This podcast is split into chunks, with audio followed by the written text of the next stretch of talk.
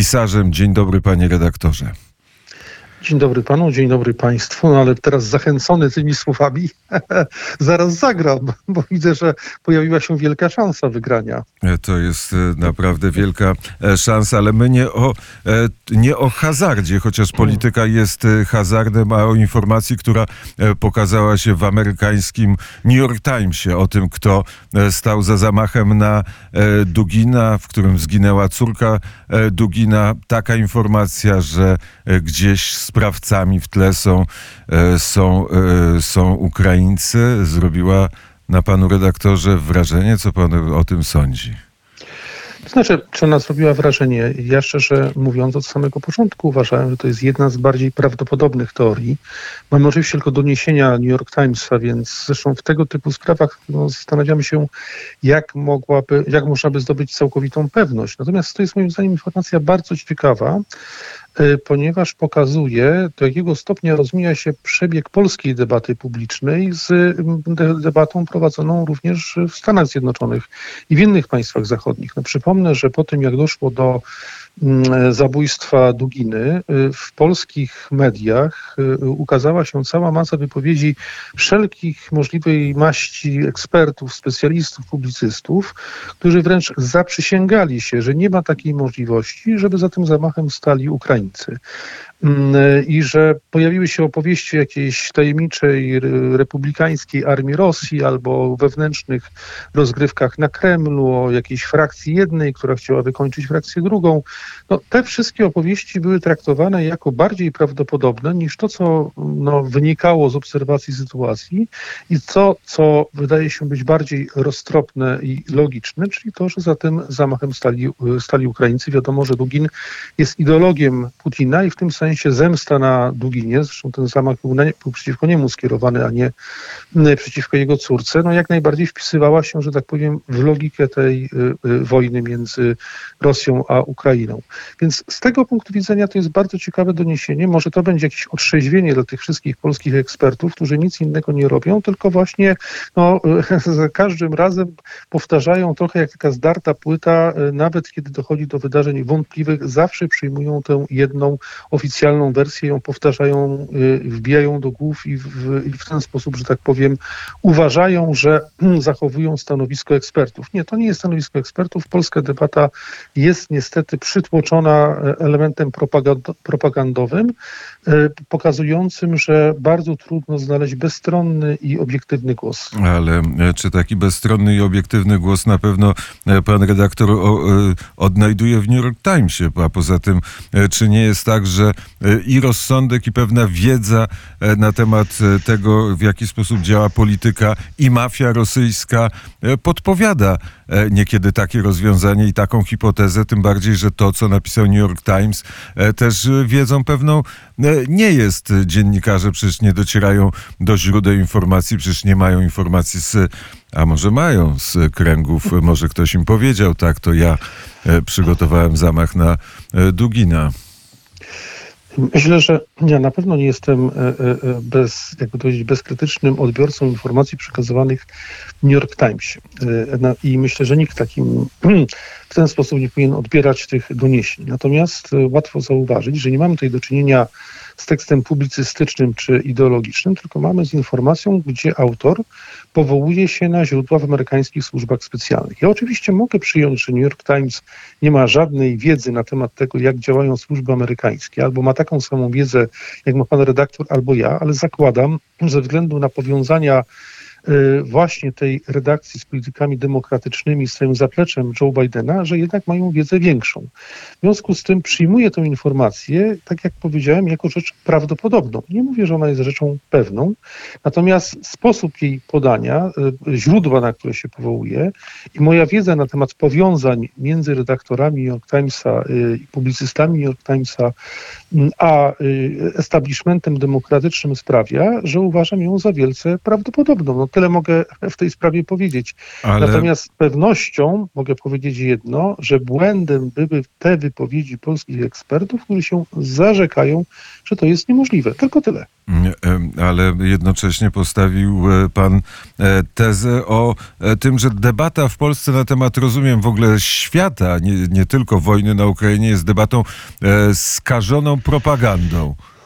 Tak, postawiłem taką tezę i myślę, że starałem się, czy staram się ją również w naszych rozmowach w Radiu Wnet, ale również w tym, co piszę w tygodniku do rzeczy uzasadnić i, i pokazać. No, wskazuję od dłuższego czasu na brak dyskusji na temat możliwych konsekwencji zaostrzającego się konfliktu czy eskalacji konfliktu.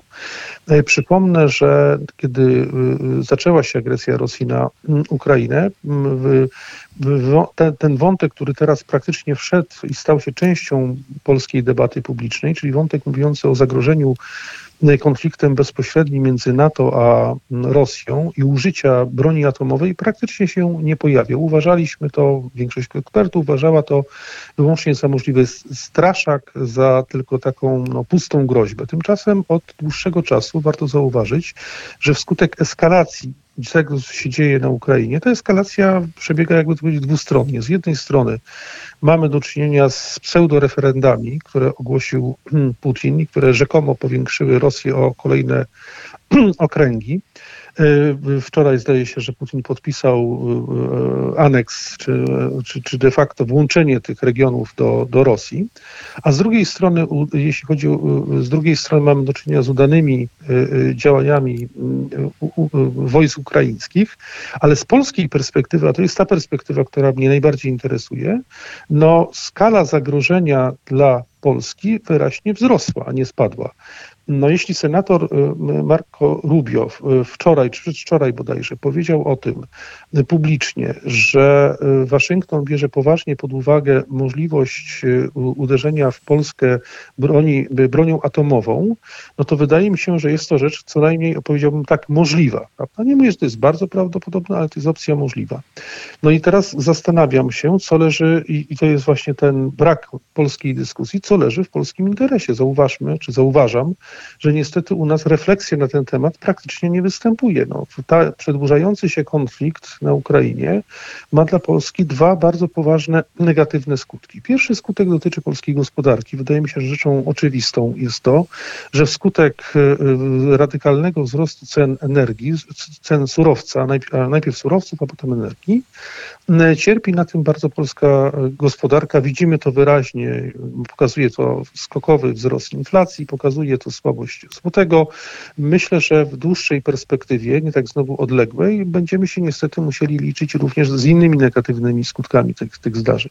A druga rzecz, jeszcze bardziej niebezpieczna dla Polski, to jest to, o czym wspomniałem. A co będzie w sytuacji, kiedy ten w tej chwili cały czas jednak regionalny konflikt zastąpi, zostanie, zostanie zastąpiony konfliktem mm, światowym i wtedy dojdzie do frontalnego zderzenia NATO z Rosją i wtedy pojawia się bardzo proste pytanie, no, które, które państwo potencjalnie najbardziej na takim konflikcie ucierpi ze względu na swoje położenie geograficzne. No, szczerze mówiąc, y, y, bardzo prosta operacja myślowa sprawia, że tym państwem będzie Polska. No, to nie jest y, nic wydumanego. Przypomnę, że osoba, którą uznajemy chyba powszechnie za polskiego bohatera, czyli pułkownik Kukliński, zdecydował się na ucieczkę w, i wywiezienie dokumentów Układu Warszawskiego w momencie, kiedy zdał sobie sprawę, że w planach Układu Warszawskiego no, Polska będzie głównym terenem bitwy i w związku z tym może w największym stopniu ucierpieć od broni atomowej. Takie jest, Więc- takie jest położenie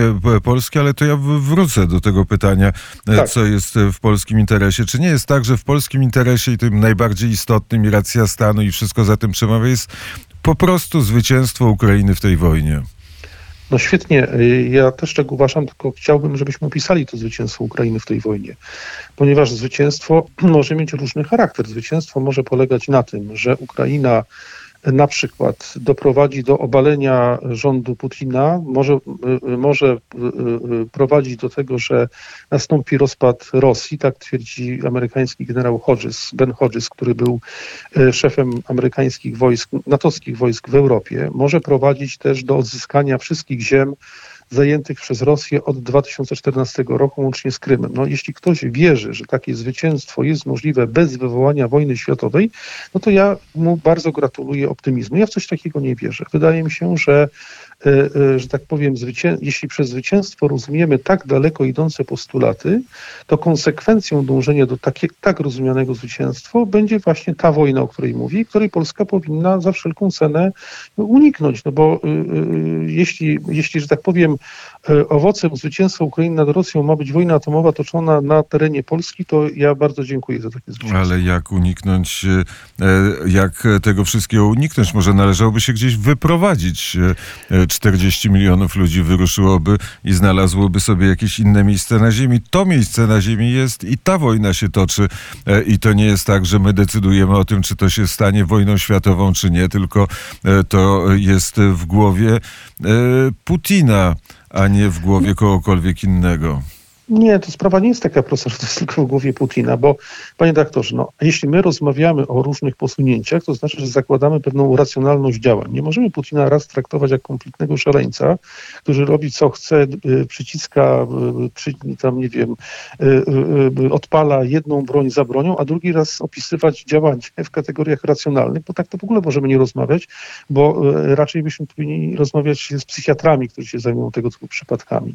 Więc jeśli rozmawiamy w kategoriach racjonalnych, to nie leży tylko po stronie Putina y, i jego reakcji, nie są tylko jego własnymi reakcjami, ale też są efektem działań drugiej strony. Przez drugą stronę rozumiem nie tylko Ukrainę, ale rozumiem też ogólnie Zachód. To, czego mi najbardziej brakuje, to jest to, jest to że wojnie i działaniom militarnym i sankcjom ekonomicznym powinna zawsze towarzyszyć, towarzyszyć również działalność dyplomatyczna.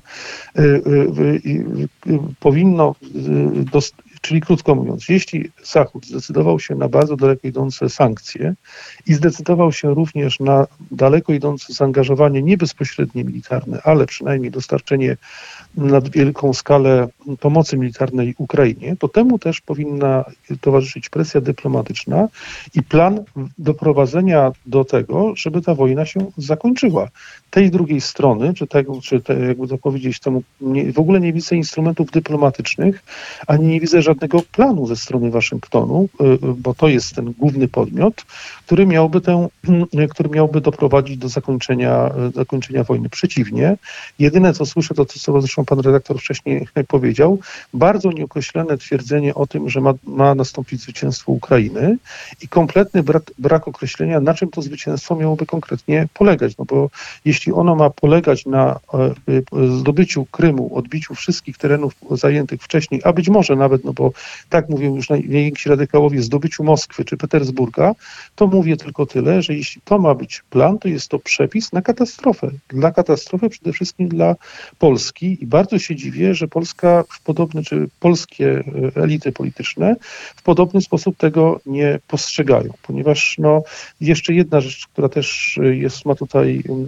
znaczenie. Oczywiście jest tak, że głównym podmiotem rozgrywającym jest Waszyngton, ale to też nie jest tak, że głosy poszczególnych państw nie mają kompletnie znaczenia. Tymczasem, jeśli chodzi o to, co dzieje się na Ukrainie, to polski głos, y, mówię tutaj o rządzie czy o władzach, w zasadzie przejawia się na dwa sposoby. Pierwszy sposób to jest taki, że mówi się, że Polska jest zawsze pierwszym podmiotem, który domaga się najdalej idących sankcji nakładanych na Rosję, niezależnie od tego, czy one mają sens, czy nie mają sensu, a niektóre moim zdaniem się, moim zdaniem nie mają sensu. A po drugie, występuje zawsze jako najbardziej radykalny zwolennik właśnie tego, o czym pan redaktor powiedział, czyli zwycięstwa Ukrainy, co w oczywisty sposób kieruje na Polskę szczególną uwagę ze strony Rosji, co może się w związku, w związku z tym, y, y, jakby to powiedzieć, wiązać w przypadku, gdyby do takiego rozszerzenia konfliktu doszło, z łatwiejszym użyciem tej broni przeciwko Polakom. No wydaje mi się, że to jest wszystko całkiem spójne, co przedstawiłem. I przedstawiał to Paweł Lisicki, redaktor naczelny Tygodnika do Rzeczy. Bardzo serdecznie dziękuję za rozmowę. Dziękuję bardzo.